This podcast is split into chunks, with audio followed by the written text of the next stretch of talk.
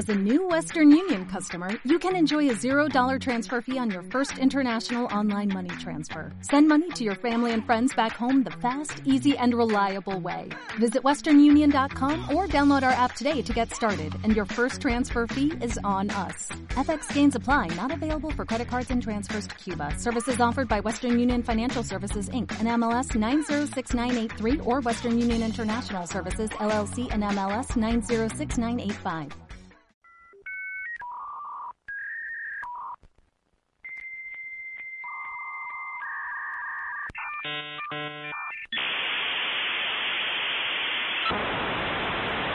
10 puntos. Radio Campus Cultura e presenta Atlantis Stellae.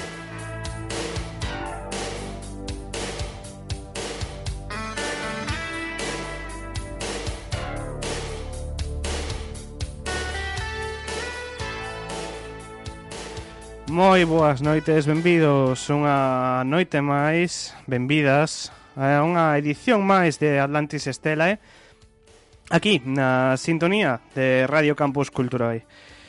Un programa que pretende acompañarvos, se que queredes, dende agora até aproximadamente a unha e media da, da mañá, e no que analizamos feitos históricos, conspiramos, pero no que sobre todo tentamos que esta hora e media de radio seña entretida para todos e para todas vos nesta mesa desta pequena nave que flota a deriva no tempo e no espazo, hoxe, do mesmo lado do estudo, estamos sentados, bueno, pois a, a tripulación habitual.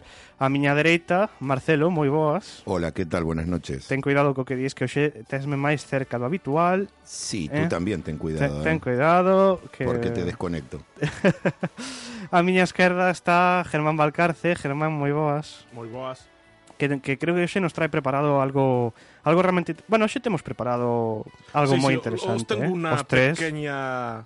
Alguna batalla ya conoces, pero otra os vais a sorprender los dos de lo absurda. Uf, Hoxe o noso espazo ponse en marcha de forma temporal e espacial, por que non? Viaxaremos até eses momentos nos que nos preguntaremos que foi o que saiu mal, quen se trabucou. Imos falar de operacións militares desastrosas. Así que, Germán, creo que podes ir empezando. Bien, pues vamos a empezar por la antigua Roma.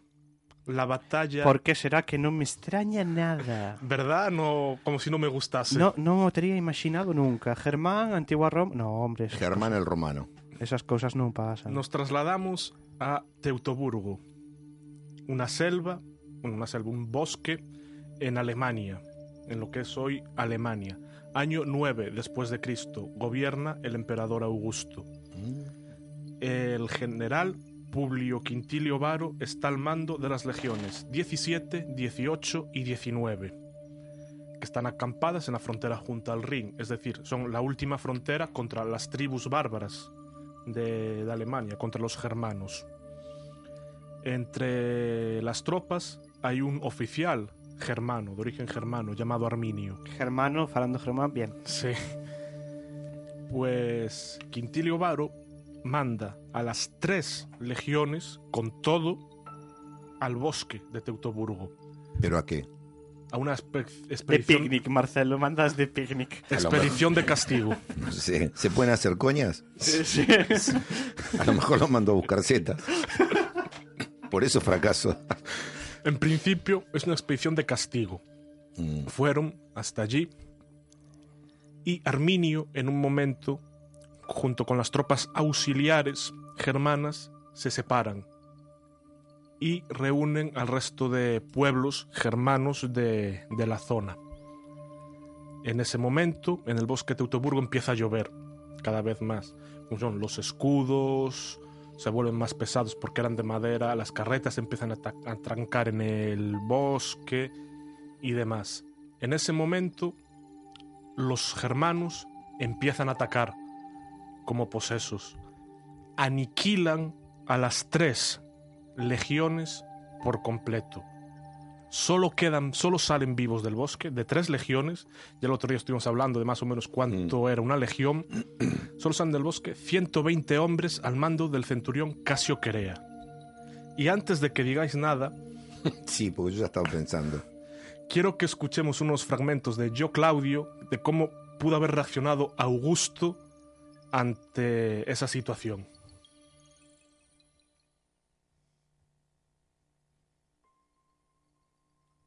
Parece que temos algún problema para escoitar eses audios.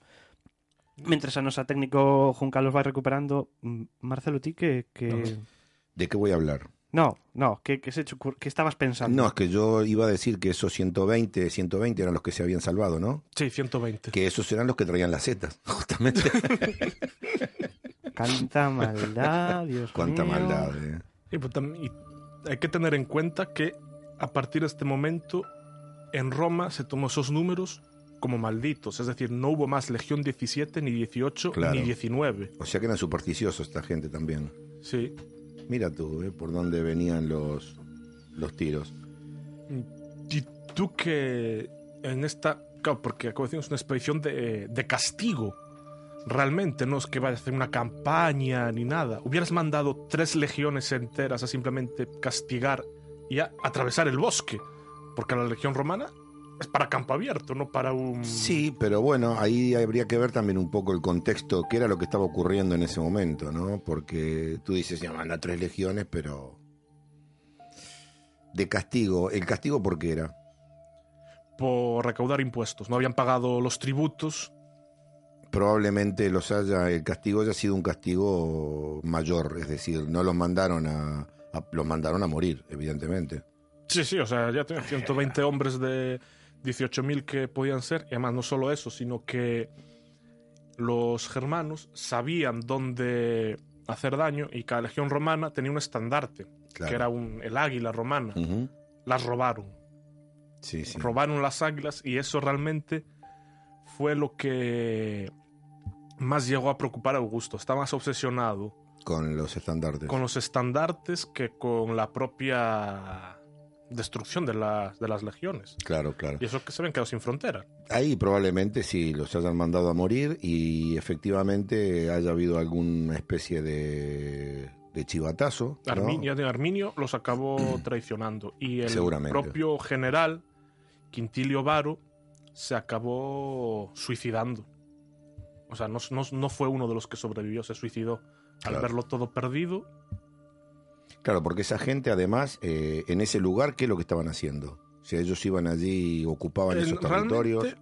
lo que es- estas tres legiones estaban en lo que es el campamento justo en el Rin, Claro. en la, fron- en la Pero digamos, los romanos en ese momento estaban conquistando esas zonas. Sí, Estamos hablando del año 9 Nueve. después de Cristo. del año 9. O sea que prácticamente Cristo estaba ahí tibio todavía y Sí, esta sí. gente ya andaba por ahí. Sí, sí. Sí. A mí siempre me costó un poco situar- situarme mentalmente en, en el Imperio Romano. No sé por qué. El imperio, realmente, el periodo de conquista empieza antes de lo que consideramos imperio. Claro. Y el imperio en sí, alrededor del 30, 27 antes de Cristo, es cuando se habla de imperio. Claro. Sí, porque Por- empiezan los emperadores, vamos. Claro, porque ya en- digamos que en, en teoría en la época en que, que- en que existe Cristo, el, im- el- el Imperio Romano en ese momento estaba en su auge. Sí, en las primeras épocas. De hecho, Claro, claro. Augusto muere en el 14 después de Cristo. Es decir, Jesús todavía no había. era un adolescente. Claro, claro. Bueno, creo que está me dicindo Juncal, a nosa técnico de sonido de hoxe, que xa conseguiu recuperar había aí un pequeno problemiña cos, cos arquivos no, pues, si que xa os podemos... conseguiu recuperar así que se vos parece podemos escoitar agora como, como se dramatizaba digamos creo Yo que Claudio. pertence exacto a serie no, de, no, de Yo Claudio, Claudio como lle chegou ao emperador Claudio noticia- Augusto, que Augusto, Claudio. perdón, jolín, déjame. Eh, logo explicarei por que estou así de eh, que hoxe, bueno, para investigar o programa de hoxe tivenlle que roubar a moto a Germán e, en fin, logo vos conto. Eh, bueno, que como recibiu Augusto esa noticia, Juncal dalle. César. César, perdóname, pero acaba de llegar un correo de Germania. ¿Estás borracho? ¿Esperas que me ponga a leer despachos a estas horas? Es urgente y no trae despachos. Trae noticias de un terrible desastre. Que pase. Ven, puedes pasar.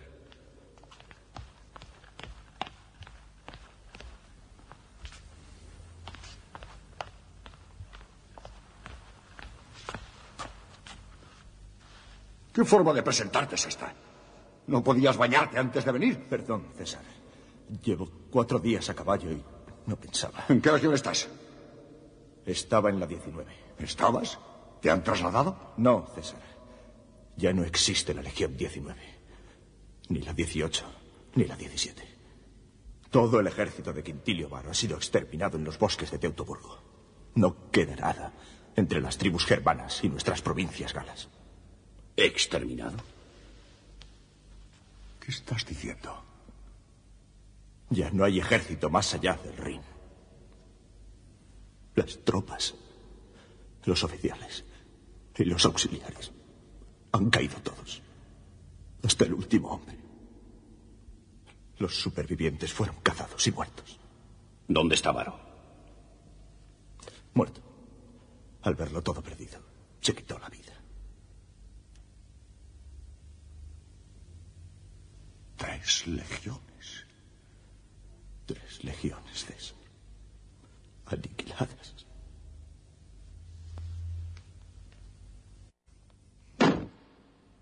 Quintilio Varo, ¿dónde están mis águilas?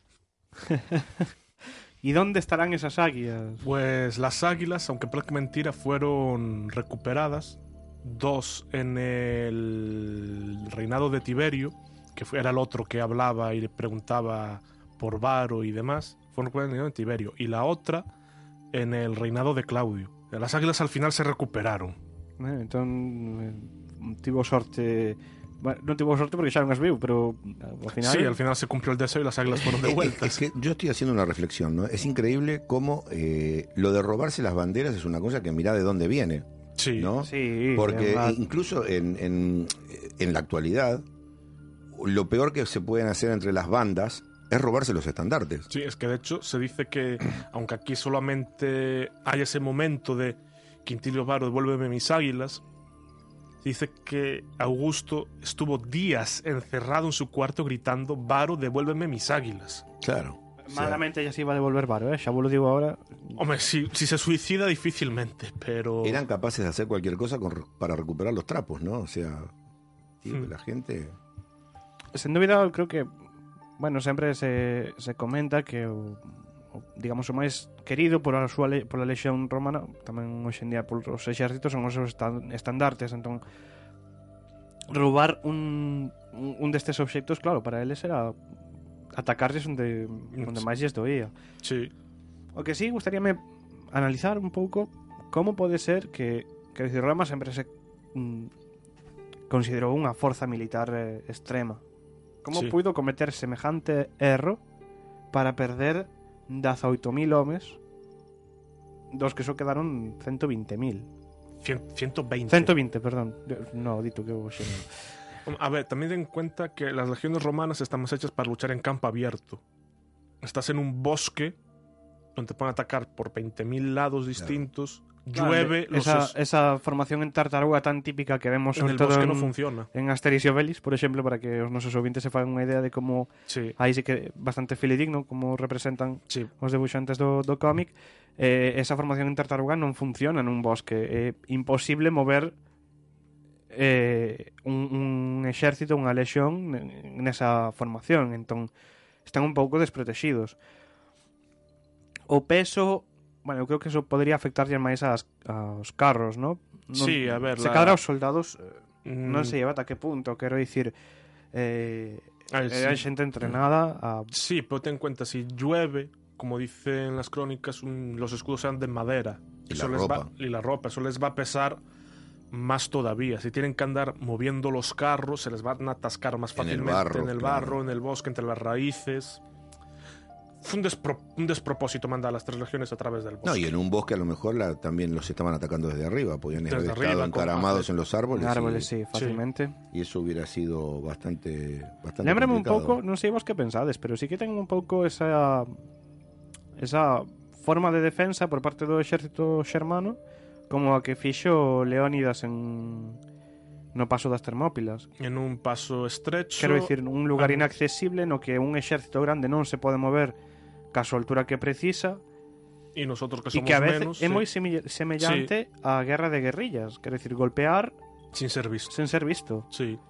E neste caso, pois puido ser algo... De hecho, este hombre el que los traicionó, Arminio, hay estatuas en Alemania, es considerado un héroe nacional en Alemania. Entón, pois vemos que constantemente se repiten, ¿no? Este mm, imos golpear a un exército David contra Goliat, ¿no? Golpear un, un exército moi grande cunha onda nun punto concreto para Sí, sí. A ver, normalmente no llegan a final feliz, pero el, el golpe de efecto inicial Sí, se logra. ver, pues la represalia fue... Claro, claro, Claro, a ver, e o paso das Termópilas todos sabemos que mm, realmente acabaron perdendo, pero Pero aguantaron lo suficiente para que el resto de Grecia... lle dero tempo e bueno, 300 ou ponlle creo que ao final eran Sí, eran un 900 ou pouco 1000 más, sí. eh, venceron, o sea, bloquearon ali a máis de 16.000 homes, quero dicir. Sí, sí. fin, non, non estou tan seguro de que ao final os persas venceran no paso das Termópilas, pero bueno, Salieron más perdiendo, pero... podemos falar dunha batalla, dunha guerra, dunha victoria pírrica. Sí. Entón, bueno, creo que nos trae ese... Sí, ahora vamos a dar un salto de bastantes siglos. Nos situamos en el siglo XVIII. Eh, tanto. Ah, esto fue ayer. Mediados del XVIII. En, más en concreto en Cartagena de Indias. Ai, que creo que sei de quen vas falar. En 1738 compareció ante el Parlamento británico un capitán de un navío llamado Robert Jenkins para relatar algo que le había ocurrido siete años antes, en 1731, que su barco fue abordado por en guardacostas españoles. Entonces reclamaba venganza contra contra ellos, vamos. Y pero a pesar de que empiezan a formarse ya para atacarles, el que realmente va a comandar todo esto es Edward Vernon. Edward Vernon era un comandante inglés que decide enviar a sus hombres a no solo a Cartagena de Indias, sino al resto de colonias españolas en América. Algunas no se les resisten, tal y demás, pero eh, llega un momento en que quiere atacar directamente Cartagena. Y antes de la batalla, Vernon, que iba confiado, hace acuñar monedas conmemorativas de su victoria. Bueno, dice, amigo, ten cuidado que todavía no has ganado. Non venda lo pel do oso antes de cazalo. Y, ya está sacando billetes. Efectivamente. Y eh, ataca Cartagena, donde estaba un personaje español muy conocido al que apodaban Medio Hombre. Creo que ya sabes de quién. Un home o que lle faltaba unha perna, un ollo Y un brazo. e un brazo. Joder. No era E chiquito. la sen embargo, é un dos mellores capitáns militares do exército español da historia. E un dos máis esquecidos, de feito. Non se suele estudiar no, nas clases de historia, digamos, a nivel xeral, non suele estudiarse a figura de Blas de Lezo. No demasiado. Blas de Lezo es el nombre. Sí. Era del País Vasco. Bueno, normal. Esa gente puede pelear con la mitad del cuerpo. Ou incluso con menos, eh? Hoy, más o menos. Fíjate, para que os hagáis una idea de las proporciones. Vernon se puso al frente de una escuadra que contaba con 200 navíos, 130 de ellos de transporte y 74 de guerra, que portaban 2.000 cañones y había unos 27.000 hombres, 16.000 marineros y artilleros. Y en Cartagena disponía únicamente de 6 navíos y 3.000 hombres, incluido 500 civiles y 500 indios. Y aún así, cuando Vernon fue a sitiar Cartagena, Blas de Lezo le hizo largarse humillado. De feito, creo que nos vas falar agora un pouco de como foi esa, ese enfrontamento, pero creo que de feito Blas de Lezo hundiu os seus propios barcos para evitar que entraran Sí, sí, no... O sea, eu imagino o, o propio o líder inglés, en plan Venga, esto está hecho. Están hundindo eles mesmos os seus propios barcos. Ui, porras. La resistencia española se concentró en el fuerte de San Luis, donde se trasladó el virrey, que aunque Blas de Lezo era el comandante, no era realmente el que, el que mandaba, Tenón Albeneslava y Blas de Lezo. Durante la refriega de los 13 navíos británicos que entraron por Boca Chica, 11 fueron destruidos por los cañones de San Luis. Tras fieros combates, Eslava, el Lezo y los soldados supervivientes escaparon de noche a Cartagena a bordo de unas lanchas. Claro, no iba a empezar de repente, fue, la cosa fue con calma. ¿no? Tres semanas después de la llegada a Cartagena, Vernon logró su objetivo de entrar en la bahía e iniciar el asedio de la ciudad. Lezo hizo hundir los navíos, como bien dijiste, de su flota para cejar la entrada a Cartagena. Aunque uno de ellos, el Galicia, fue El capturado. Normal, Ay, normal. vaya. Tiña que ser ese. Tenía que ser ese el capturado, claro. Los británicos tomaron el castillo de Santa Cruz y desde allí empezaron a disparar contra la ciudad al tiempo que desembarcaban 9.000 atacantes. En pocos días las defensas exteriores hispanas quedaron destruidas. Parece que iba a pasar algo, pero los españoles conservaban todavía el castillo de San Felipe, la principal fortaleza de Cartagena. Y luego, la vista del campo de batalla, según decían después de cuando Blas de Lezo consiguió o intentó invadir Cartagena definitivamente y los humilló, dice, como recogió Smollett, un escritor, dijo, las tropas contemplaron los cuerpos destruidos de sus compañeros soldados y camaradas flotando arriba y abajo en el puerto proveyendo de presas a los carroñeros cuervos y tiburones, que los hacían pedazos sin interrupción, y contribuían con su hedor a la mortalidad que prevalecía. Cuando Vernon ordenó un nuevo ataque, estalló un motín que se saldó con 50 fusilamientos.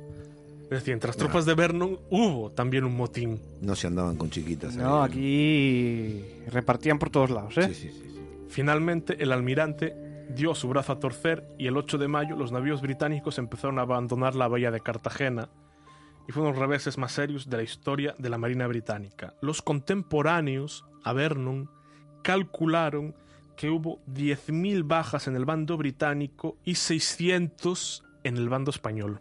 Eu creo que ao final Inglaterra tiña que terse dado de conta que é verdade que en alta mar e tal les tiñan superioridade, pero cando tiñan que loitar en terra, a ver, acaba, o sea, intentástelo contra Coruña, non funcionou. Non o volvades a intentar igual. Non é unha boa idea.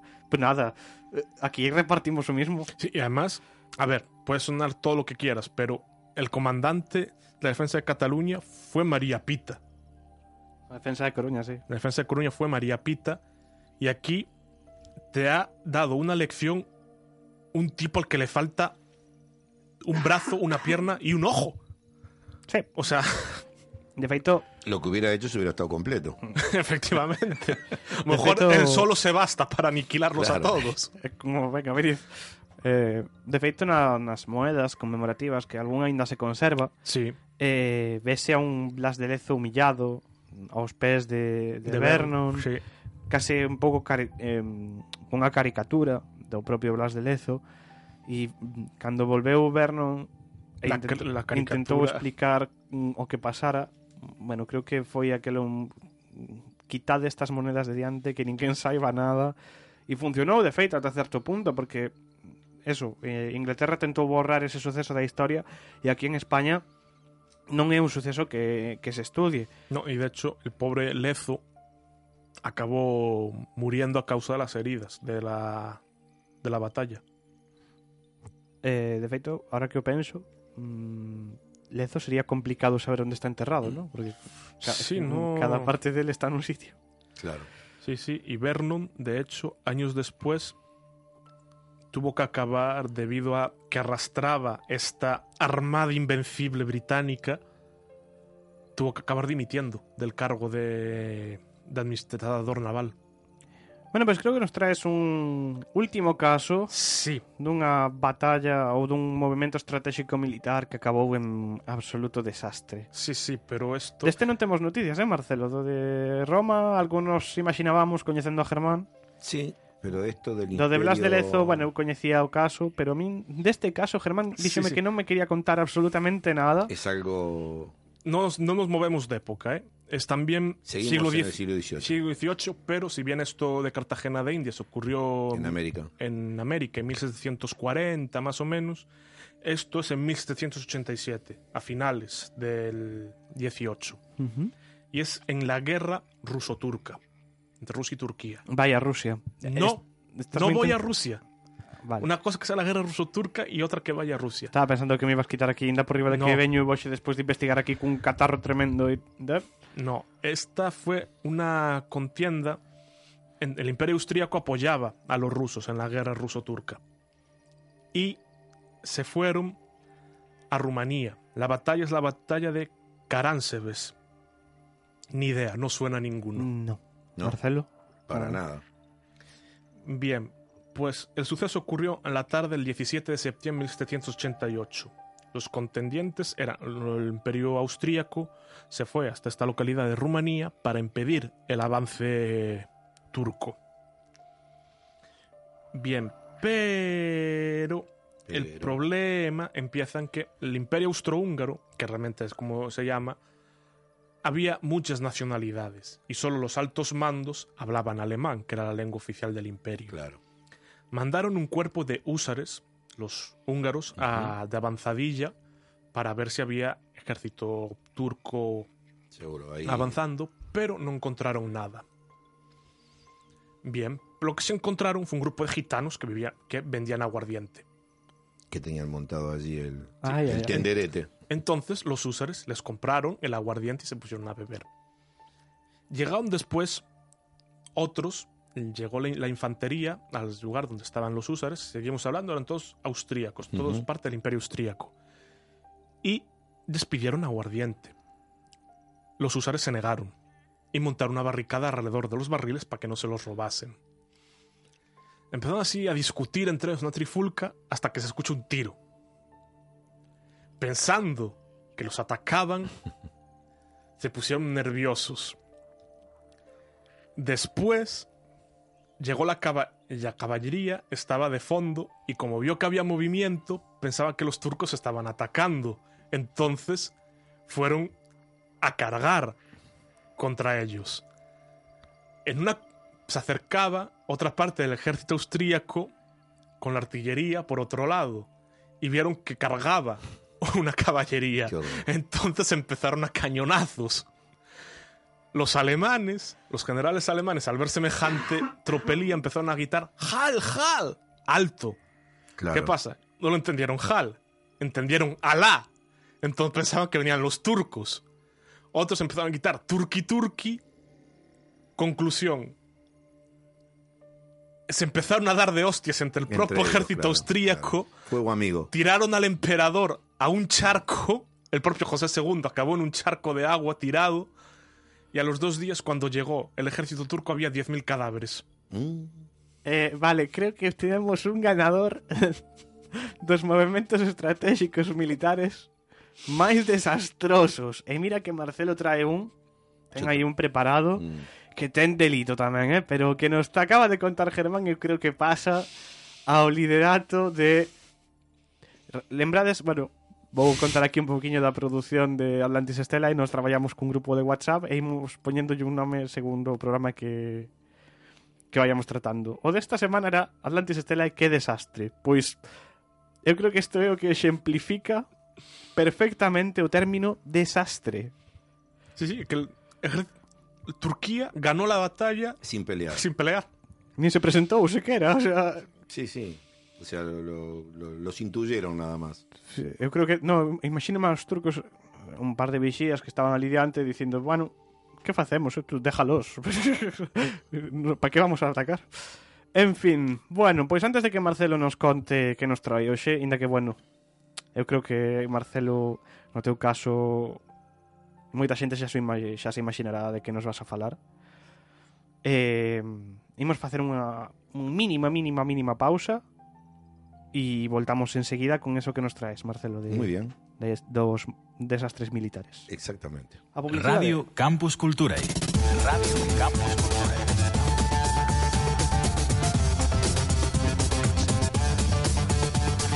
Radio Campus Culturae. Cal é o sitio perfecto para ver o deporte? A grada. E para escoitalo? Pois tamén. Vive o deporte como hai que vivilo e onde mellor cho contan. Agrada. Cada mércores dende as 8 da tarde en Radio Campus Culturae. Todo deporte contado dun xeito diferente dende o punto de vista da grada. Lembra, todos os mércores ás 8 da tarde a Agrada en Radio Campus Culturae. A ver, que plan tes para un venres pola noite? Radio Campus Culture proponche un dos mellores. Estudio 54. Ás 9 da noite estará contigo Iria Piñeiro traéndoche os mellores artistas do panorama nacional e internacional. A mellor música de todos os tempos témola aquí en Radio Campus Culture. Xa sabes, os venres ás 9 da noite entra no noso Estudio 54 con Iria Piñeiro.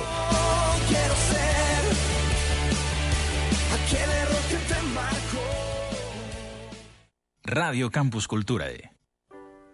Quiero ver, quiero entrar. Nena, nadie te va a hacer mal. Excepto amarte. Atlantis Stelae en Radio Campus Culturae. Vas aquí, vas allá.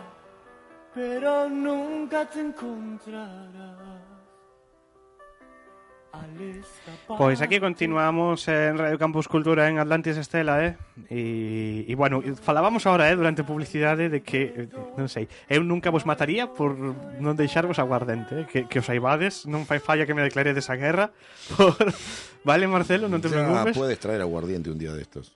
Eh, Sí, bueno, xa é bastante tolemia este programa, se lle metemos alcohol polo medio, Y pode puede ser. salir muy bien. A lo mejor es más divertido, Hombre, ¿eh? Claro, a lo mejor sale. Atlantis borrachera, eh. En fin. eh, Adiante, Marcelo, sí, contanos o- estamos, eh, estábamos escuchando una canción eh, de Cerú Girán, Seminare. Eh, es la música típica de los años 82 en la Argentina cuando se declaró la guerra de Malvinas, ¿no? Hablábamos de gestiones militares desastrosas y yo creo que la guerra de Malvinas es el se podría considerar el paradigma del siglo XX. Antes de empezar, Marcelo, eu quero facerche unha pregunta. Dime. Eu creo que non quero chamarte nada con isto, pero ti viviches un pouquiño da guerra de Malvinas. Yo viví allí. Eh, quero dicir, cando falamos desa guerra, uh -huh. eh, os que investigamos un pouquiño da historia vemos que había moitísimas concentracións en Argentina a favor daquela guerra. Realmente pensaba, pensaba Argentina que tiña algún tipo de posibilidade contra Inglaterra. No, a ver, eh, lo que hay, que hay que entrar un poquito en contexto para saber eh, por qué se desata la guerra. O sea, el conflicto de la guerra Malvinas es un conflicto que viene, que tiene 200 años, bueno, como todos los conflictos, como lo que estamos viviendo actualmente, o sea, siempre los gestores de las reivindicaciones tiran de mucho de la historia. Entonces hay una resolución, o sea, porque claro, los ingleses se apoderaron de Malvinas en la época de la colonia y aquellos eran unos territorios que eran indefendibles, entonces claro, eh, se apoderaron de aquello y ¿quién los iba a quitar de allí en su momento?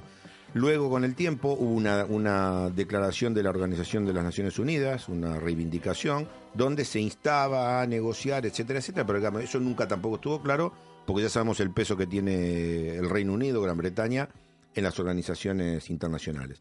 Entonces, ¿qué ocurre? Eh, Argentina, en, en 1982, eh, ya llevaba eh, seis años de dictadura militar. La dictadura es del año 1976. En esos seis años habían pasado muchas cosas, a pesar del poco tiempo. Habían cambiado las cúpulas militares, ya habían pasado, ya estábamos creo que en la, en la tercera o en la cuarta, porque el general Galtieri eh, estuvo Videla y después hubo otro, después estaba Galtieri. En fin. Eh, pero había un gran movimiento social, es decir, la dictadura había perdido fuerza. El, todo el rollo aquel de los desaparecidos, de las madres de Plaza de Mayo, en fin, había todo un movimiento, había algo que estaba hirviendo en la sociedad que los militares ya no tenían la forma de controlarlo, a menos que volvieran a ejercer una fuerza descomunal contra la población, cosa que no querían hacer, porque eso fue el trabajo sucio que hizo en su momento el general Videla. Eh, el general Galtieri eh, era el que le había tocado, los militares se manejan por escalafón, con lo cual cuando él quedó como máximo, él era el jefe de la Junta. Eh, era un hombre de filosóficamente dicen que bueno, que estaba dentro de lo que era la masonería y con todo ese tipo de cosas. Además, era un borracho. ¿No? Eso estaba, claro, eso está, eso está totalmente comprobado. Era un hombre que bebía, podía beberse una botella de whisky en su despacho mientras firmaba los edictos y las cosas que firman los militares, el tío se podía beber una botella de, escocés. Y eh, ¿qué ocurrió? Eh, ellos llegó un momento que tenían o, tenían que hacer algo para distraer la atención, cosa que los políticos y los militares lo conocen perfectamente porque se sigue haciendo hasta el día de hoy, o iban a tener que enfrentarse a la población. Entonces, ¿qué hicieron? Ellos comenzaron a urdir un plan para hacer algo que tuviera un golpe de efecto. Los argentinos tienen ese punto muy patriótico, muy de que eh, se pueden estar matando entre ellos, pero juega la selección, por ejemplo, de fútbol y somos todos hermanos. Termina el partido y volvemos a la guerra y volvemos a matarnos. Un Entonces- toque moi como nas Olimpiadas na antigüedade, ¿no? Cando Eh, exactamente. Grecia firmaba, bueno, as, colo as colonias gregas firmaban pactos de paz porque tocaba ir a competir aos xogos Sí, e despois cando volvían se volvían a dar entre volvían a eles. dar entre eles. Sí. Entonces había en la Junta Militar, que la Junta Militares Argentina siempre eh, las comandaba el jefe del ejército, pero estaban integradas por un por un brigadier de, de- de aéreo y por un esto cómo es que se llama el comandante de las marinas Eh, un Almirante. almirante, Almirante, sí. un almirante. Eh, dentro de esa terna de militar el almirante el que comandaba que era el almirante Anaya ese hombre fue que llevó la idea y dijo podemos aprovechar este, este contexto para recuperar las Islas Malvinas. Y vamos a lograr un, un doble golpe de efecto. Primero, vamos a recuperar algo que históricamente nos pertenece, primer punto. Y por otra parte, vamos a reivindicar todo lo que hayan hecho los militares, va a pasar a ser algo muy importante y obviamente aspiraban al bronce, ¿no? A convertirse en héroes. La idea en sí parece buena. No, hombre, la idea es cojonuda, claro. El tema es que ellos arman todo el plan y el bueno, claro, eh, y después lo que falla, porque ¿dónde viene, la, dónde viene el error? El, el error se convierte en una guerra desastrosa o en una operación militar desastrosa porque no se hace una buena, una buena evaluación de causas y consecuencias. Es decir, esto es como el ajedrez, ¿no? Tú antes de mover tienes que saber con qué te va a responder el otro. Entonces, cuando te equivocas allí, ahí es donde viene el problema. La cuestión es que esta gente, el primero de abril de 1982, sorpresivamente, eh, conquistan Malvinas. Salen los barcos, los aviones, la infantería y llegan a las islas. En las Islas Malvinas es un territorio, bueno, es bastante grande, pero son unas islas totalmente despobladas, donde lo que hay allí era un, un- como si fuera un intendente, bueno, alguien, un gobernador, por llamarlo de alguna manera. Eh, había una base militar, digamos, para controlar al gobernador, pero que evidentemente no tenía ningún tipo de poder de fuego. Y después la gente que vivía allí, que la mayoría incluso había vivían muchos argentinos en ese momento allí, porque las Islas Malvinas, la explotación que tiene, era nada más que de ovejas, de lana. Eh, esta gente llega, eh, ocupa las islas, salen por la noche, eh, invaden, rinden enseguida al, a lo que había allí, porque bueno, el, el gobernador Hunt no quiso que poner en riesgo de vida a, la poca policía, digamos, que tenía allí fuerza militar, entonces automáticamente se rindieron y esta gente toma el, toma el poder de las islas. ¿Qué ocurre a partir de ahí? Esto ocurre entre el 1 y el 2. El 2 de abril, automáticamente el pueblo argentino, que hasta el día anterior, porque unos días antes había habido unas manifestaciones para, para contra el gobierno y que habían destruido todo por donde habían pasado, porque aparte, eh, digamos, las manifestaciones en Argentina no son pacíficas, o sea, la gente va, se manifiesta, pero cuando se va es como, como las hordas de, ¿no? de, de, de- de Atila y de eso, van destruyendo todo a su paso. Toda esa gente que una semana antes había estado eh, queriendo echar al gobierno y pidiendo elecciones y que vuelva la, democracia, etcétera, etcétera, automáticamente se convierten en un factor. Vamos a escuchar, si es posible, un, fragmento de lo que dice el general Galtieri cuando habla para las masas en la Plaza de Mayo, donde había aproximadamente un millón o, o más de personas. ¿eh? Señora Thatcher.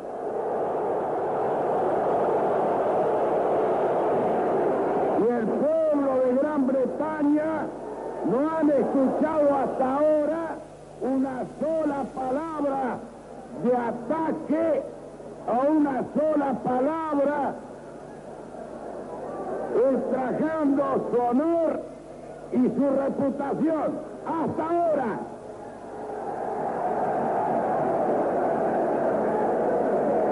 Le pido como presidente de la nación al gobierno y al pueblo inglés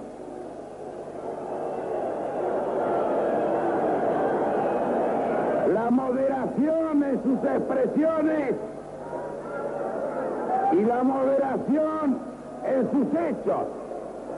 El gobierno argentino y el pueblo argentino, este camino abierto, puede enardecerse y presentar a las ofensas mayores ofensas.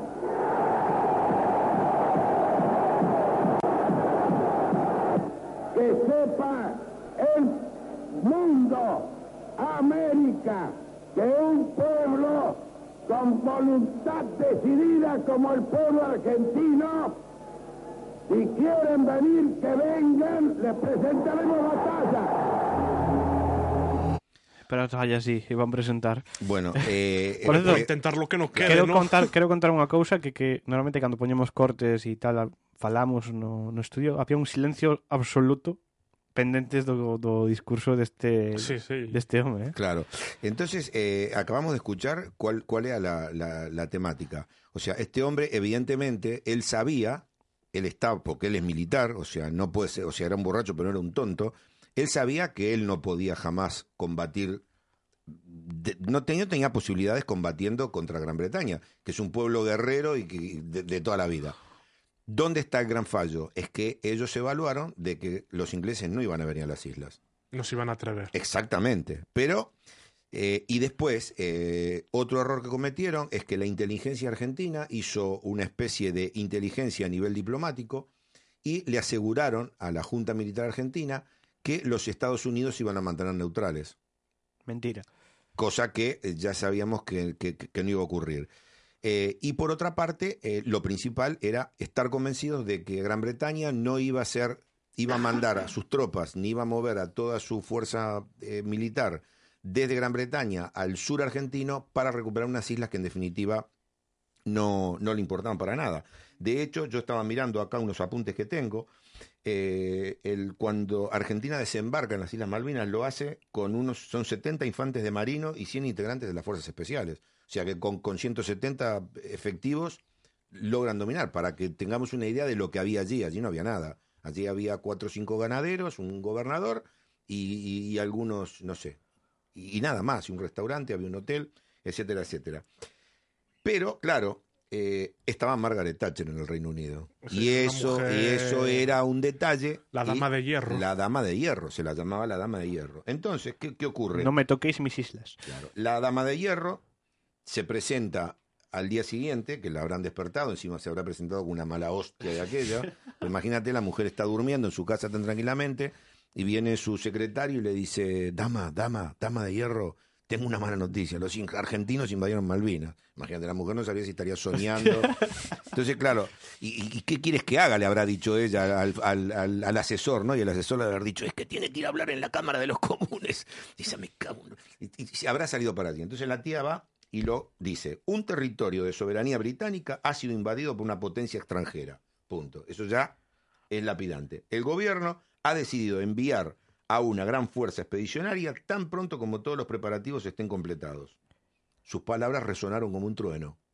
¿Correcto? ¿Qué ocurrió? Eh, el gobierno argentino, otro gran error que cometió la Junta Militar, eh, fue especular, porque claro, hasta que toda esa fuerza militar argentina, eh, británica, se ponía en marcha y se preparaba, eso no estaba preparado. Había que llamar a los reservas, equipar, revisar todo. Y hasta que llegara iban a pasar a lo mejor cerca de un mes o 20 días, porque ellos aparte tenían que hacer una, tenían las Islas Ascensión, que era donde tenían el, digamos, el, el punto intermedio Sí. para, para hacer sus paradas. Entonces, claro, lo que quisieron aprovechar los de la Junta Militar Argentina fue ese eh, periodo de tiempo para negociar. Es decir, acá estábamos, o sea, eh, primero cometemos el rapto y después negociamos. Para que no nos hagan mucho daño. Exactamente. Y mientras tanto, bueno, y ahí estuvo, estaba el tema del Papa, vino el, el secretario de, de- de Estados Unidos, que era Haig, a la Argentina un par de veces, se reunió con uno, se reunió con el otro, iba para Inglaterra, porque claro, est- los Estados Unidos cogieron el, la manija de la negociación y le hicieron creer a los argentinos de que estaban en un punto equidistante, cosa que no era real. Es decir, al mismo tiempo eh, trabajaron para la, para la inteligencia británica, porque de hecho, cuando los británicos llegan a las islas y desembarcan, reciben muchísimo apoyo logístico de los satélites americanos, que les daban posiciones, les daban eh, todo ese tipo de situación. Los argentinos aprovechan, mientras la fuerza británica viene navegando hacia, hacia el sur, los argentinos lo único que hacían era, hicieron como una especie de shuttle, ¿no? De barcos, iban y venían y tiraban gente arriba de la isla. Entonces llegaron a meter 10.000 efectivos. Pero claro, no eran 10.000 soldados lo que llegó a Argentina. Lo que llegó a Argentina eran 10.000 eh, con- conscriptos, que son los chicos que hacen la mili. Sí, o sea, no están No estaban preparados para- Pero de ninguna manera, o sea, no estaban preparados ni mentalmente, ni psicológicamente, ni Militarmente. militarmente, porque Argentina claro. no tenía eh, no tenía armas. Lo único que, que, que habían hecho ellos, porque claro, esto se empezó a gestar no un mes antes de la invasión, sino un par de años antes, habían equipado, eh, habían conseguido algún equipamiento. Entonces, por ejemplo, la Fuerza Aérea Argentina tenía algunos aviones, que eran unos aviones de caza, que eran bastante modernos en ese momento, que fue lo que permitió que Argentina en algún momento le hicieran creer al pueblo que estaban ganando, porque este, este tío que acabamos de escuchar hace un rato salió muchas veces a la gente y hubo, hay un discurso donde él dice estamos ganando, solamente porque habían hundido un barco. Correcto.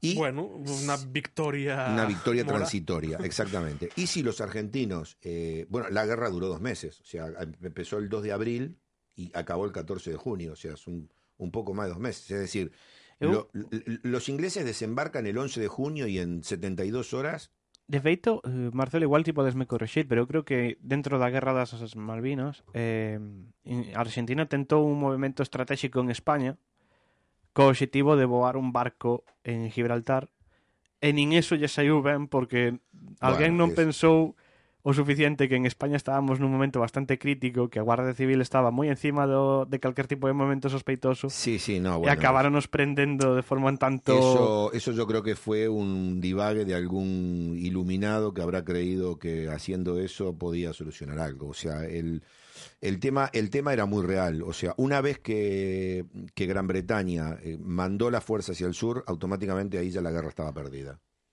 Porque no había manera de eh, resistir eh, el ataque de la fuerza. O sea, Gran Bretaña en ese momento tenía aquellos aviones, los famosos Sea Harrier, aquellos que, que despegaban en vertical. Mm. Eh, tenían, mandó una flota, yo creo que lo tenía que anotado por aquí, pero mandó una flota, no, no sé si de 100, 100 navíos, ¿no? Iban en toda la flota. Es decir, ta- la que Argentina Thatcher non absolutamente ninguna posibilidade. no tenía ninguna posibilidad. Mandó, creo que llevó- mandó un, un par de portaaviones, con, con, o sea, puso los portaaviones así, porque además Argentina no tenía poder de fuego hacia Malvinas. Es decir, la única manera que, que tenía Argentina de atacar a las fuerzas británicas era con los aviones. Y los aviones no eran muchos, o sea, la, la fuerza aérea eran pocos elementos. Que realmente a Inglaterra se lle fixo falta ensinar un pouco de músculo. E claro, estaba muy lejos. O sea, lo que pasa es que Inglaterra para enseñar músculo tuvo que ir hasta allí. No era un conflicto donde se podía enseñar músculo sin mover la tropa. Hubo que mover la tropa, mandaron divisiones de, de, de elite, digamos, ¿no? Eh, estuvo aquel, aquel, no sé, ¿cómo, cómo se diría? aquella historia, ¿no? Un poco que nunca se concretó mucho, ¿no? De que venían lo- una división de gurkas, ¿no? Los gurkas son es una, una división de, de- de asesinos Hmm. militares asesinos que dicen que son de la zona de Nepal, de- Sí. del norte de la India, ¿no? Que son unos muy Sí, pequeñitos que manejan muy bien los cuchillos y que son Sé cuáles son, sí. son he bastante asesinos. Entonces, el, el ejército británico tiene, tiene una división de gurkas. Entonces, decían, bueno, vienen los gurkas. Y claro, la gente... Y, y la gente no se acababa de dar cuenta de, de- de en el embrollo que lo estaban metiendo. Bueno, ¿cómo concluye esto? Esto concluye eh, con un fracaso militar estrepitoso donde solamente salvan los papeles los pilotos de la Fuerza Aérea. ¿Por qué? Porque los pilotos de la Fuerza Aérea, para poder atacar a las fuerzas británicas, tenían que despegar con el combustible eh, escaso, porque para llegar desde, desde las bases de Comodoro Rivadavia hasta las islas y volver, no se, no, el combustible daba apenas para eso. Es decir, tenían que ir, soltar una, una ráfaga, soltar una carga, girar y volver, porque si no, no llegaban, no podían, se, quedaban sin combustible. Y después había otro problema, tenían que sortear los radares. Estamos hablando, ¿qué hacían los, los pilotos argentinos? Volaban a ras del agua. Claro, en baja altura no, los radares no... No, no, no, volaban a, a 20 metros del agua, en un mar que normalmente tiene olas de 8 o 9 metros, cuando está tranquilo. Entonces los tipos salían de Comodoro Rivadavia, lo- los radares los divisaban, pero llegaba un momento, cuando estaban llegando, descendían, empezaban a volar a, a ras de- del suelo, a, bueno, a ras del agua, llegaban hasta donde estaban los barcos, cuando los tenían en, en la visión, soltaban los misiles, tenían que, tenían que levantar vuelo como, como fuera, girar y salir zumbando, porque claro, de los barcos también te tiraban, o sea, cuando los tenías en la vista, ¿no? Y yo recuerdo una vez que escuché hablar a, un piloto, que obviamente que sobrevivió de a, la guerra, este, y, él explicaba lo que es la sensación de volar en un caza a esa velocidad al ras del agua. Es una sensación, él explicaba, es como si tú fueras por un túnel donde el espacio del túnel es el espacio de tu auto y tú fueras a 200 kilómetros por hora por ese túnel y tuvieras, y, y tuvieras las paredes. O sea, es, es una sensación que tener mucha, Mucha sangre fría. Este, entonces fueron los únicos que se salvaron un poco de la cosa. Después eh, el gobierno llamó al pueblo, le- le empezó a decir a la gente que había que apoyar a los soldados, que se necesitaba dinero para, para comprar suministros. La gente donaba sus joyas. La gente ingresaba dinero en las cuentas de- que se habían abierto para recaudar fondos para la causa militar. Ese dinero nunca fue a la causa militar. Cuando acabó la guerra, se descubrió que en Comodoro Rivadavia, que era, digamos, donde estaba un poco la base de operaciones, porque era el, puerto, bueno, estaba todo allí, había almacenes llenos de comida y de munición que nunca llegó a los soldados. Es decir, los soldados llegó un momento que no tenían munición, tenían que pelear con las bayonetas. O sea, el último asalto, el Monte Langdon, cuando llegan ya, que viene el momento de la rendición, los británicos llega un momento que se encuentran con soldados que lo único que tenían eran bayonetas para pelear, porque ya se, se habían acabado las municiones. Pues una Si me dices que estamos siglos atrás, la bayoneta te Es- es útil, del 1982. Claro, pero aparte, tú imagínate un soldado peleando con una bayoneta contra un soldado que venían equipados con visores nocturnos de, de- de- para poder disparar. eh, Sí, no hay posibilidad. Dende logo falamos dunha maniobra desastrosa. O sea, fue algo eh, increíble. Bueno, por supuesto, acabó la guerra, se rindió Argentina y, a- y eso fue un poco lo que trajo, el re- aceleró el regreso a la democracia. Es decir, en 1983 ya hubo elecciones y fue cuando subió el primer gobierno democrático después de la, de la dictadura. Lo que siempre quedó es qué hubiera pasado Si hubiesen ganado. si hubiesen ganado, ¿no? Y a veces uno piense, uno dice, joder, la historia puede ser mala o puede ser buena, pero cuando uno ve estas cosas dice, la historia no se equivoca. Nunca. Pois quedámonos con esa reflexión, imos facer unha mínima pausa e, e de, bo- de contado mm, imos falar de tres momentos militares desastrosos, non un tres, e os tres causados polo mismo problema. Os tres, eh? Así que se vos parece, facemos eso, un mínimo alto no, no camiño e continuamos de seguida.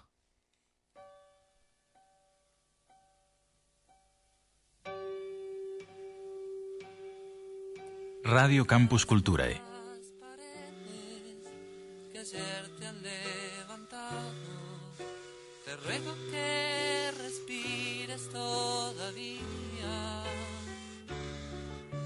Apoyo mis espaldas y espero que me abraces atravesando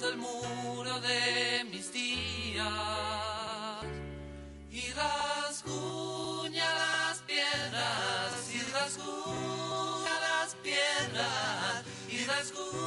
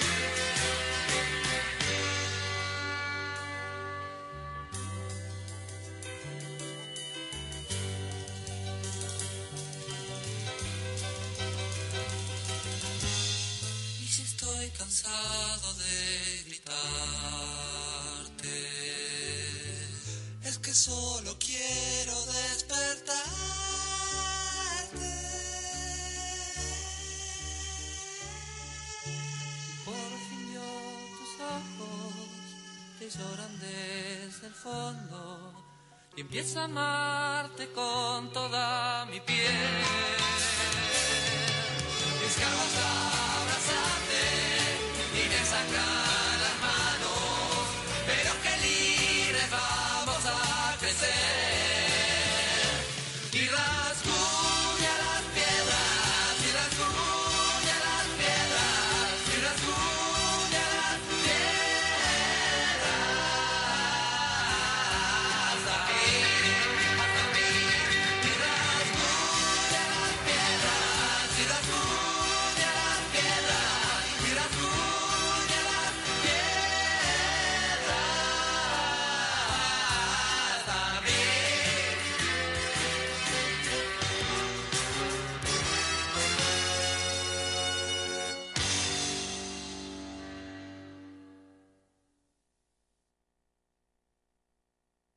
Hey, gustache a radio? Sabías que na USC hai unha radio aberta a participación de todo o mundo? Radio Campus Culturae, a radio da diversidade. Sí, sí, Radio Campus Culturae está aberta a participación de todos e todas. Colabora con Radio Campus Culturae e fai oír a túa voz. Ponte en contacto connosco a través da nosa web www.radiocampusculturae.org o noso mail campusculturaeradio.gmail.com a través das contas de Facebook e Twitter de Radio Campus Culturae ou directamente preguntando por nós na Facultade de Ciencias da Comunicación da Universidade de Santiago de Compostela. Únete a Radio Campus Culturae. Colabora ca túa radio. Radio Campus Culturae, a radio da diversidade.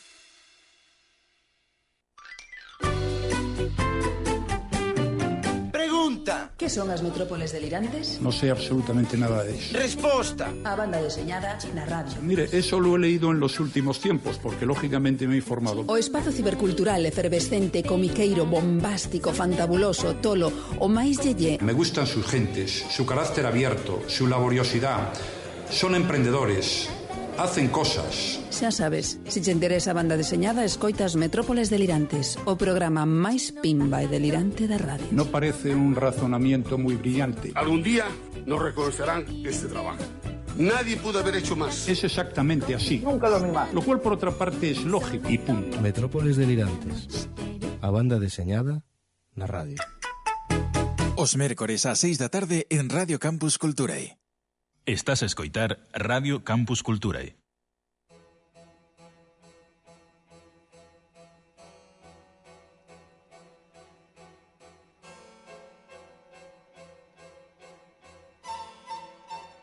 Se queres porte en contacto co programa, faino por medio das seguintes vías. Correo electrónico atlantis.estelae.rcc.gmail.com ou búscanos tamén no Facebook Atlantis Estelae.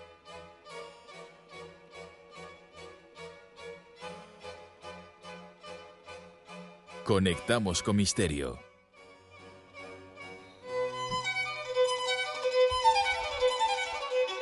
Eh.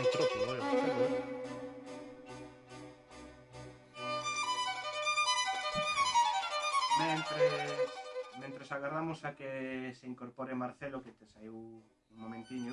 Non, non sei se estou salendo, Non me estou indo, ahora sí, aí está. Había algún que outro problemiña. Dicía que mentres agarramos a que Marcelo se incorpore, bueno, esta este tema de Vivaldi sobre o que entramos, que por tanto nos dá un pouco de rabia pisar, porque eu considero que é unha das obras mestras da, da música clásica. A mí me encanta Vivaldi, eh, estudio eh, con él. Como, como non? Bueno, normalmente, cando falamos de operacións militares desas desastrosas ou que saíron mal, pensamos nun, mo, nun gran dun erro, nun movimento estratégico, pero tamén podemos pensar en nun general que triunfa e que decide facer un movimento eh, excelente, excelente, brutal, e que consigue a victoria ante que humilla os seus rivais un pouco que falábamos antes con Blas de Lezo, por exemplo. Foi máis sí. victoria del que, que mal movimento por parte de Inglaterra. Mm. Eh, non así, por exemplo, o caso de eh, mm, do exército austríaco. Eso é un desastre en, en Sí, toda regla. ¿no? además, como ellos escrito austríaco, no hicieron caso a los altos mandos que dijeron que parasen y tiraron al propio emperador a una poza. Exacto. Bueno, eso, podemos falar dun, dun xeral que destaca pola súa brillantez, mentres que outro pois non resulta ser tan destro nisto da estrategia militar. Neste caso imos falar dun xeral que por non ter non ten nin corpo. Iso si. sí. Non tiene cuerpo que... No, no, pero foi quen de vencer en tres ocasións a aqueles que intentan traspasar pola forza as fronteiras de Rusia. Ah. Falamos do General Inverno. Por certo, de paso podemos aproveitar e dicimoslle que o General Inverno que se quere, bueno, el ou un dos seus conselleiros, pode ir vindo cara a Galicia, que aquí fai nos falla, empeza a facernos falla a súa actuación. Sí, mm, a ver, hai que ponerse en contacto con el. En fin, ao que nos ocupa.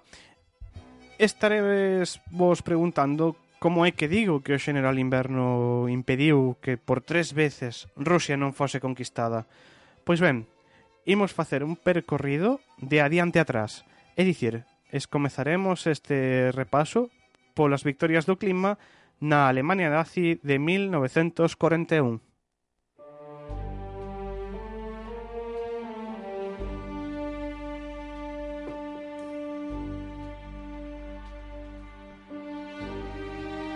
Baixo o liderazgo de Adolf Hitler, eh, Non, Marcelo, non imos volver chamar a Hitler para no, que nos conte como... Non me no. pases notiñas, vale, no. no llamémoslo, vai... llamémoslo. Sí, xa, pero... Si no. está vivo, está en Argentina. Bueno, dicía que baixo o liderazgo de Hitler a Alemania nazi atacou a Rusia. Sen embargo, as tropas soviéticas contiveron o máximo posible este ataque na, na estepa, mm, dando tempo desta, folt, desta forma para desmontar as industrias que foron des, desmanteladas e montadas de novo nos montes Urales. As forzas soviéticas, mm, pois eso, contiveron o poder alemán, alemán ata as portas de Moscú e conseguiron derrotalo na batalla de Stalingrado no mes de xaneiro de 1543. Una de las batallas más duras de la Segunda Guerra Mundial, ¿eh? la de Stalingrado. Que foi o que pasou neste caso? Pois que Hitler estaba tan convencido que mm, non preparou as súas tropas para que resistiran o inverno ruso. Non tiñan traxes especiais para o inverno. Claro, creyó que iba a una excursión. de Algo así, dixo estos rusos. Algo de abrigo, aunque sea. Nada, nada, de feito, por non levar non levaban ata non tiñan suficientes suministros, porque Hitler pensaba que iba a ser un paseo militar Claro. e que iba a conquistar Rusia do mesmo xeito que conquistar a Polonia e Rusia nada, nada que ver. es más grande que, que Polonia. Y, y militarmente. Y Stalin no era precisamente alguien que se quedase brazos cruzados. Otro damo de hierro. Sí. bueno, de feito algo así fixo, porque de, as tres veces o exército ruso fixo a mesma estrategia, as tres veces que vamos comentar neste nesta parte xa final de Atlantis Estela de hoxe. Retirouse, foise retirando, deixando que os nazis avanzaran, pero deixando sen ningún tipo de provisión. En plan, o exército ruso retrocedía e de paso que retrocedía queimaba as aldeas, baleirabas e deixaba aos nazis que, inda que foran conquistando territorio, Sí, pero eso. non tiña ningún tipo de utilidade porque era o que comentábamos antes, estepa, eso non ten poder eh, Sí, sí, entre eso, que es invierno, no tienes suministros, Sí, tú no sí. tienes, no solo no encuentras, sino que tú no vas preparado para enfrentarte al invierno. Y ni una botellita de vodka, nada les dejaban. Nada, Qué- deixaban qué nada, rusos eh, outra cousa non, pero ese estilo de resistir teñeno moi ben moi ben aquelado, eh? saben moi ben como teñen que Sí, facer. era esperar que pasara el tiempo y que llegara el invierno y, y ya está. Claro, era a terceira vez que lles pasaba. O sea, xa teñen práctica, xa teñan Claro. práctica cando chegou Hitler que non tivo para nada en conta os dous casos que imos ver eh, a continuación. Porque no escuchó el programa.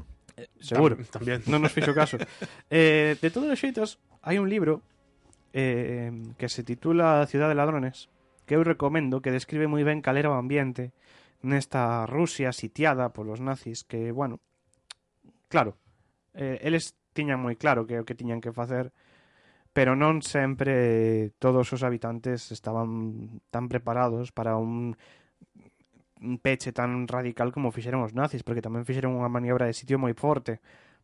Vamos, que realmente mm, aguantaron dous anos E, e, e menos mal que Rusia conseguiu vencer na batalla de Stalingrado, porque non creo que foran capaces de aguantar moito tempo máis tampouco. Eh? Pero bueno. Outro dos eh, casos que queremos comentar esta noite son o caso do Gran Exército, ou Exército Imperial. Tampouco puido o exército imperial de Napoleón escapar ao poder de... Sí, si los nazis non están pre preparados, los de Napoleón... Un pouquiño menos.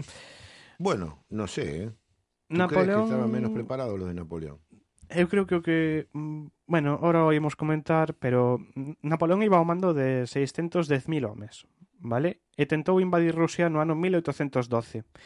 O exército ruso, pois o que comentábamos antes, retirouse antes de ser alcanzado polo exército francés, queimando as súas aldeas, queimando todos os mm, suministros que poideran deixar na, na fuxida, deixando todo tipo de suministro fora do control do exército imperial.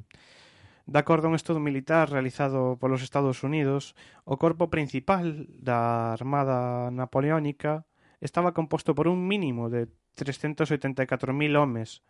Bueno, pois ese corpo foi reducido á mitade só na campaña de entrada en Rusia.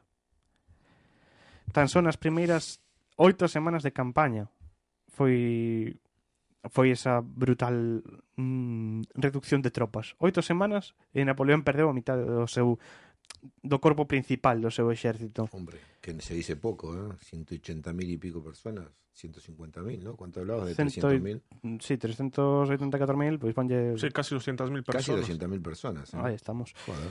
Eh, bueno, isto foi en parte esta caída do exército foi porque Francia non posuía centros organizados de aprovisionamento claro. e, bueno, tamén as enfermedades e as, as caídas en combate tamén causaron miles de pérdidas. Inda que o exército se apoia, o exército ruso se apoiaba no cambio do clima, non falamos dun exército pois como comentaba antes Marcelo, de xente que estivera facendo a mili. O exército ruso está moi curtido en combate, porque uh -huh. sufriu moitos intentos de invasión e, bueno, sempre foi unha forza militar dende o principio da, da súa historia. A batalla de Borodino, que tivo lugar o 7 de setembro do propio ano 1812, foi o único enfrontamento de importancia naquel naquela xesta de Napoleón. E malia que Napoleón venceu, mm, podemos sinalar que foi unha victoria pírrica, como dicíamos antes, pois nese, nese enfrontamento Napoleón perdería máis de 30.000 homes e só estaría a 1.000 km dentro da fronteira rusa. Claro, 1.000 km, se falamos de España, é moitísimo, pero falando de Rusia... Pff, 1.000 km... Estaba en la orilla.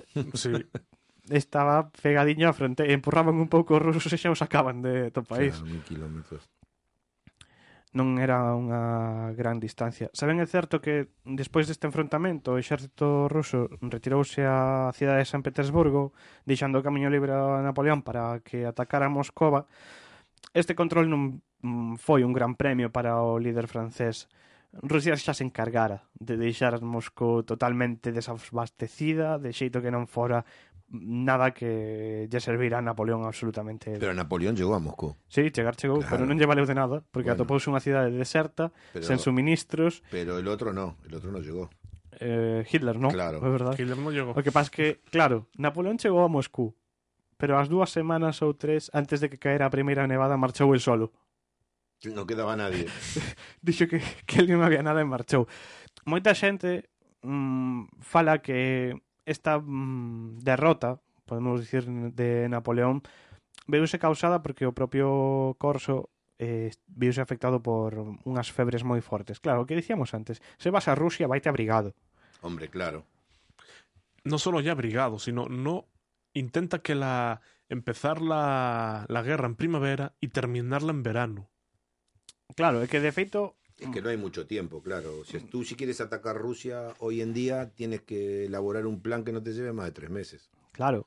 Como se te vaya cinco o seis meses, ya te, o te pilla antes o te pilla después. Eh, e todos sabemos que en Rusia beben vodka por algo. Hombre, claro. O derradeiro exemplo do que quero falar esta noite, antes de que falemos un pouco de destas tres eh, causas, que as tres derrotas foron polo mismo motivo, eh, é o caso da Gran Guerra do Norte.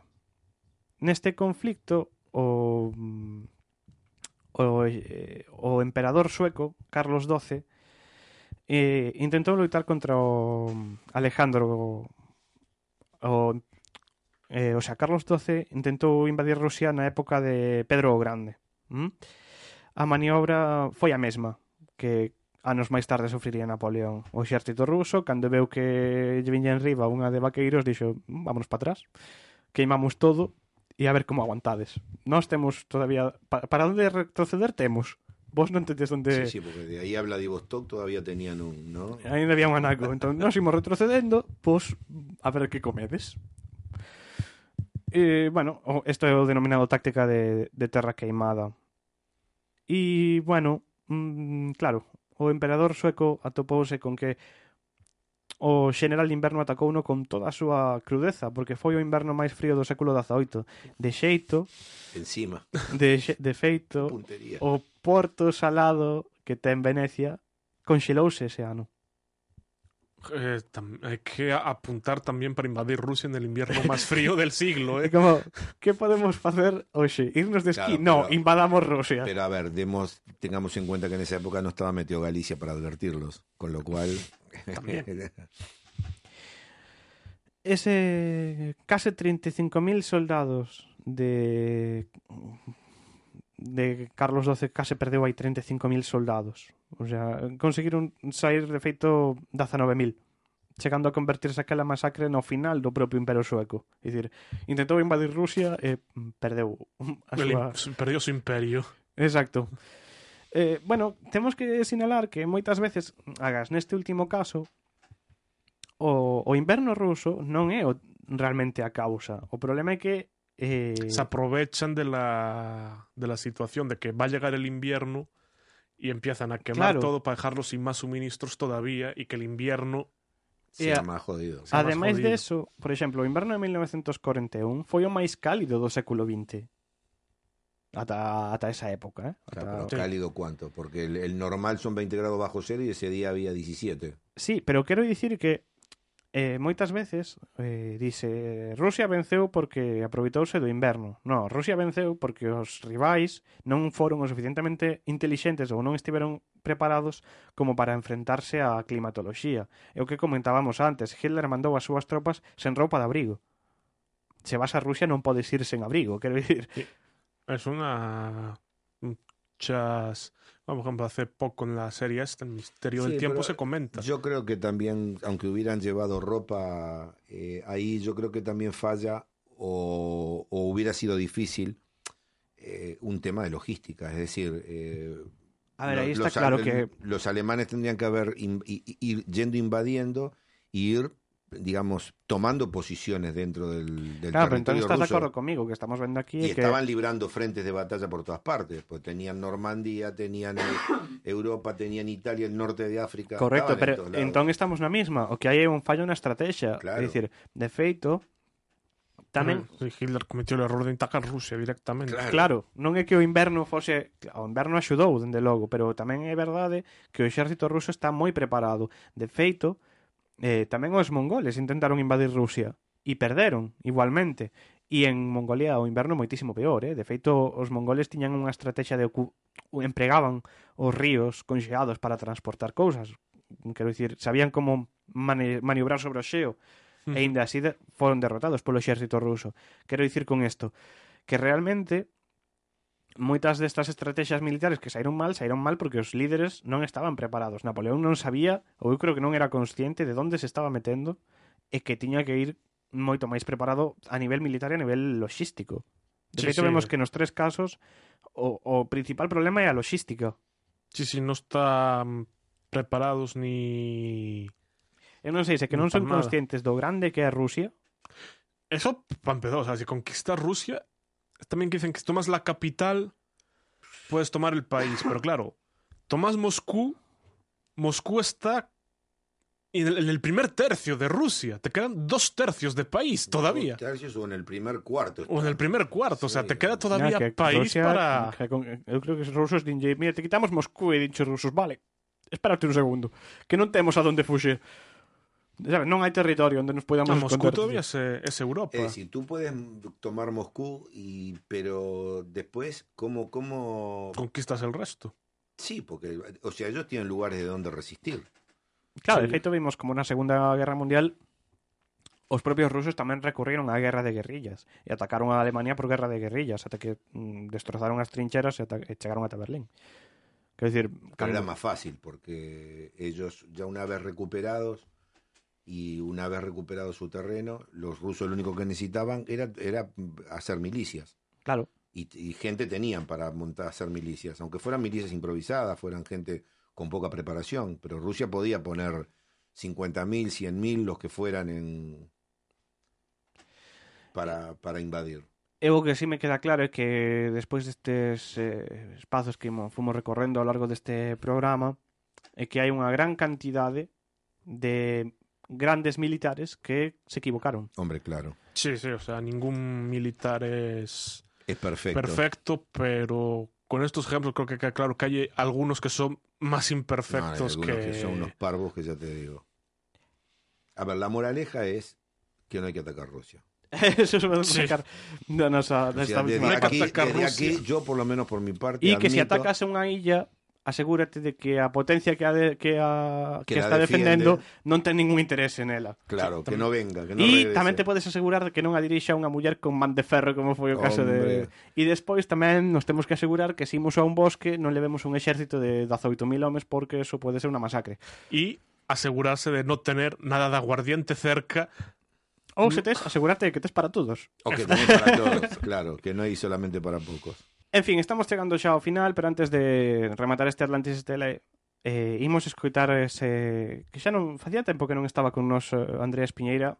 Hoxe mándanos un, un retrato dun, dun home que, bueno, tamén cometeu un erro. Inda que, bueno, a culpa non, non foi toda dele eh? aí houve algo máis hai máis historia. Digo porque creo que me comentou que ven a falar do general Caster. O retrato, o retrato, o retrato do tempo.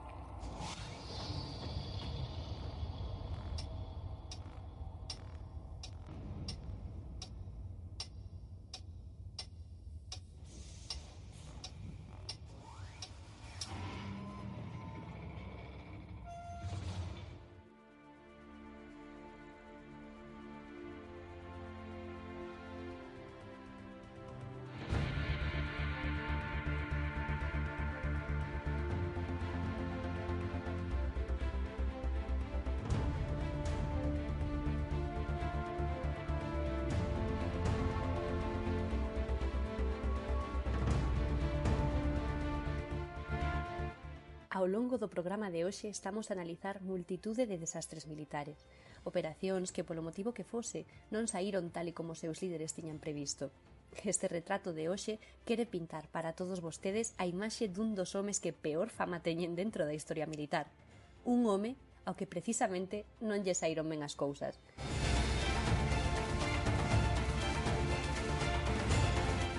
noso retratado de hoxe naceu o 5 de decembro do ano 1839 en New Ramley e faleceu o 25 de xuño do ano 1876 en Montana. E sí, moitos de vos xa saberedes de quen falamos. Non é outro que George Armstrong Caster.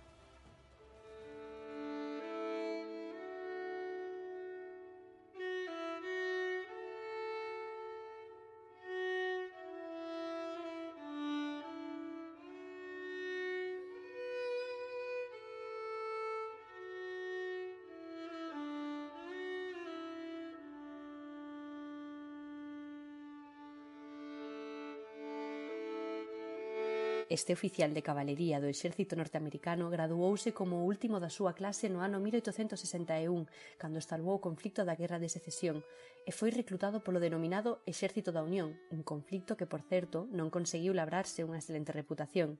A súa asociación con distintos oficiais, así como o seu desempeño como comandante, permitíronlle ascender de xeito vertixinoso e con tan só 23 anos foi nomeado xeral da brigada. Custer participou na coñecida Batalla de Gettysburg, na que librou un importante papel ao impedir con cargas de cabalería que as forzas montadas confederadas atacaran a retaguardia unionista. Despois da Guerra de Secesión, Custer conservou o rango de xeneral de división do Corpo Militar de Voluntariados dos Estados Unidos antes de que este fora desmobilizado Neste intre recuperará o rango permanente de capitán, xa en xullo do ano 1863 sería nomeado tenente coronel do séptimo reximento de cabalería. Ao mando deste rexemento sería destinado ao oeste co obxectivo de combater as denominadas Guerras Indias. Case unha década máis tarde, o 25 de xullo de 1875, Caster e dos dos seus irmáns morrerían nunha batalla, nun desastre de tal magnitude que eclipsaría todos os logros anteriores de Caster.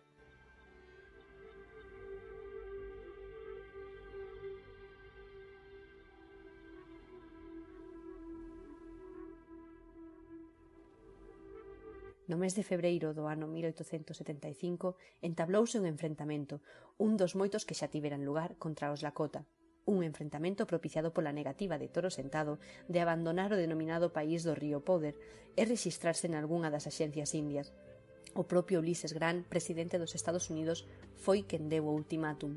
Se non fan caso, acaso néganse a abandonar estas terras, darase conta deles no Departamento de Guerra como a indios hostís e enviarase ás forzas militares para obrigarlles a obedecer as ordes da Axencia India.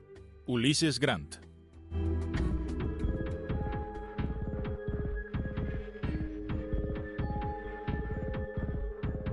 sen que os exércitos de Estados Unidos despregados na zona se percatasen, unha das maiores concentracións de indios que se puido constatar ao longo da historia estaba a formarse, dispoñéndose ao longo do val do pequeno Bighorn baixo o mando do propio Toro Sentado, líder do Sumpapa e Cabalo Tolo, sen dúbida algunha, un dos grandes xefes do Soglala. Este campamento do que estamos a falar constaba de máis de 1500 tipos, nos que eran aloxados unha cifra que rondaba entre os 12.000 ou 15.000 indios, Unhas semanas atrás, a mensaxe de Netro Sentado propagarase de tal xeito que o xefe dos pés negros, pés de corvo, fora invitado tamén para axudar na loita contra o exército norteamericano unha vez derrotado este, e tamén os Kraus, os Xios, tiñan previsto viaxar até Canadá cos pés negros e exterminar aos brancos.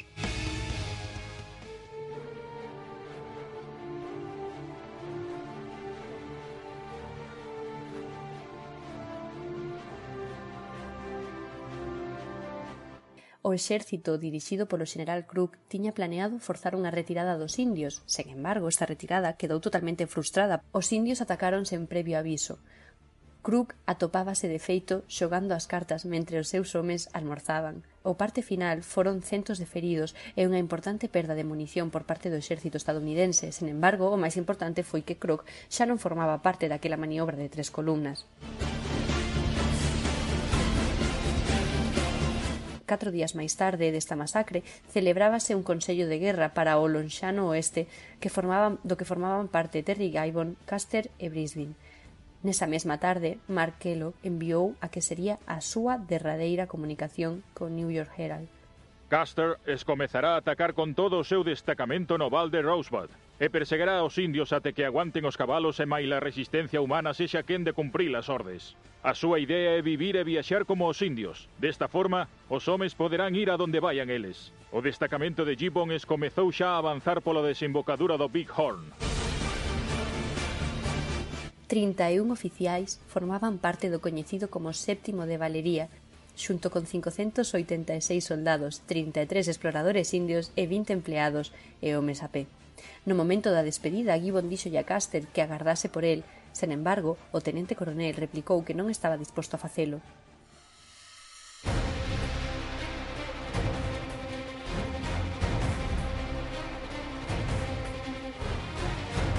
Corría xa o mediodía do 25 de xuño cando o noso protagonista de hoxe divideu o seu exército en catro columnas e preparouse para o ataque.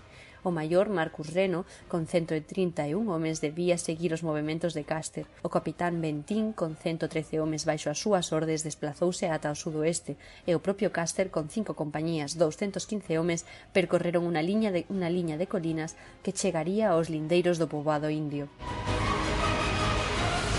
Non era a primeira vez que Caster facía un movimento deste tipo xa na batalla de Washita, en novembro de 1868, Caster dividiría o seu exército de xeito similar e atacara ao poboado de forma simultánea por distintos frontes, conseguindo a máxima confusión.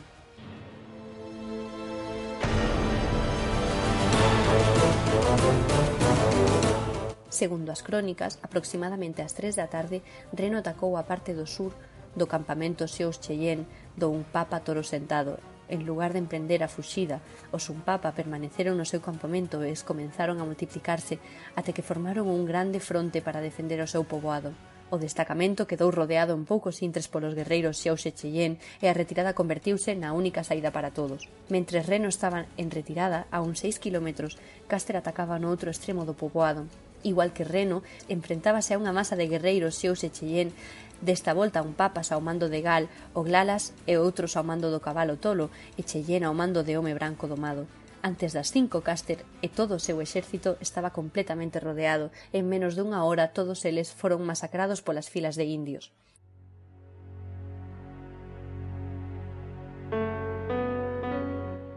Dous días máis tarde, na mañá do 27 de xuño, descubriuse o campo de batalla de Caster, que, segundo o informe do capitán, formaban unha terrible e fantasmagórica escena. O gran campamento indio dispersouse de forma eficaz e rápida, pois un poboado destas proporcións sería moi complexa a súa supervivencia. Pronto esgontaríanse os pastos e perderíase tamén a caza. Moitos regresaron ás axencias, pero a meirande parte daqueles que non se, non se acolleron ao tratado permaneceron nas ribeiras do río Powder baixo mando de toro sentado, cabalo tolo, cabalo americano, coitelo pálido e pequeno lobo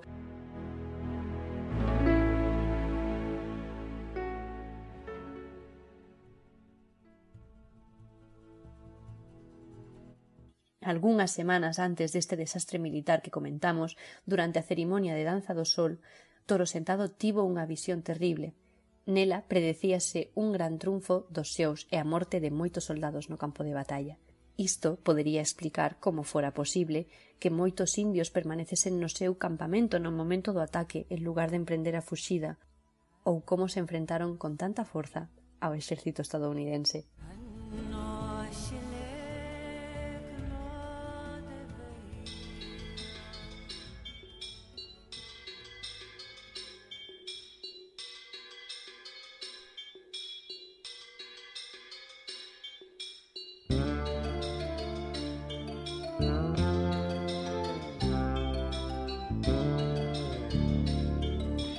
E imos rematando xa, creo, rematamos con un pouco de alegría, ¿no? Despois de tantos desastres e tantos enfrontamentos, podemos rematar con este tema que lle dá un pouco de, de ritmo a, ao programa, un pouco de, de alegría, porque tanta guerra, tanta guerra ao final, cantas víctimas non terá traído Muchas. eses desastres militares des que estamos falando ao longo deste programa. Yo creo que si nos ponemos a contar todas las batallas que hemos hablado hoy... Pois sí, Pois imos rematando. Facemos unha homenaxe porque eh, é verdade que nos hoxe tomámoslo tamén un pouco de humor, un pouco de... Bueno, quitámoslle un poquinho de ferro, pero non debemos esquecer que en todas estas batallas eh, faleceu xente. Mucha. Sí. E xente que non tiña que estar aí. Falamos, estou me lembrando ahora mesmo do caso que traía Marcelo, do caso das, das Malvinas. Xente que non estaba preparada, que non sabía a onde iba, e que non tiña que, que estar aí. Sí, sí, que gente... faleceron porque alguén por riba deles equivocouse e pode que en moitos casos se equivocara a aposta. Sabemos que a guerra move move moitos cartos, pero eu creo que non hai nada que valga unha vida humana. Efectivamente.